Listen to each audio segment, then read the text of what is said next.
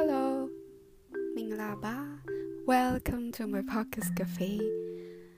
အဲ podcast cafe ကနေပြီးတော့ကြိုဆိုလိုက်ပါတယ်ဟို podcast cafe ကဘာဖြစ်လို့လုပ်ဖြစ်တာလဲဆိုတော့အဲဒီကာလကြီးမှာဒီ pandemic crisis ကာလကြီးပါပေါ့စစ်တပ်ပေါက်တစ်ခုအနေ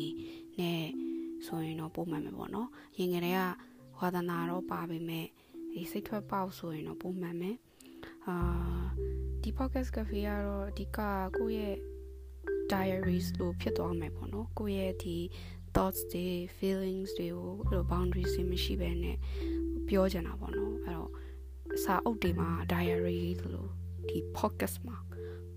ပြောလိုက်တဲ့သဘောပေါ့နော်ဒါပေမဲ့လည်းအဲ့လို listeners တွေအတွက်ကြတော့အဲ့လို coffee site မှာကို စိတ်တတတာဖြစ်ရတဲ့ငွေရှင်တယောက်နဲ့ထိုင်နေတယ်လို့ခံစားချက်မျိုးတော့ရစေချင်တာပေါ့နော်အာရမရတော့မသိဘူး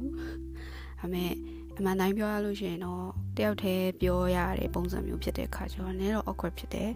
ဒါပေမဲ့အကောင်းဆုံးတော့อืมလောက်သွားမယ်ပေါ့နော် content တွေကကြတော့အဲဒီလိုကာလနဲ့အဆင်ပြေတဲ့ content မျိုးတွေပေါ့နော်အဲ take aways လည်းရှိရမယ် လို့ပြောမအောင်အကျိုးရှိရမယ်ပေါ့နော်အကျိုးလည်းရှိရမယ်ဘာလို့ဆိုတော့လူပဲဖြစ် podcast က9မိနစ်တန်ဒီ10မိနစ်တန်ဒီနားထောင်လိုက်ရလို့တခုခုတွေးစရာရသွားဒါလိုမျိုးပေါ့နော်အဲ့လိုဒီဖြစ်စရာတော့မလိုပေါ့နော်ဘာလို့ဆိုဒီရဲ့ podcast ကကြတော့လေอืม personal journal လို့တဘောမျိုးပေါ့ journaling လုပ်တယ်လို့ဆိုတော့လေဒီလိုကိုယ့်ရဲ့အသွေးမြင်တွေကို express လုပ်မှာဆိုတော့ဟိုတခုခုတော့တွေးစရာရသွားမယ်ဒါပေမဲ့အဲ့လိုအရင် ဟို knowledgeable ဖြစ်တဲ့ content တော့လည်းမဟုတ်ဘူးပေါ့နော်အာစိတ်ပန်းဖြီ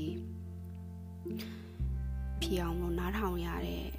podcast တခုပုံစံမျိုးဆိုတော့ဟုတ်ကဲ့အဲ့တော့ဒါတော့အပတ်တိုင်းအဆင်ပြေသလိုတင်တော့မယ်ပေါ့နော် so stay tuned bye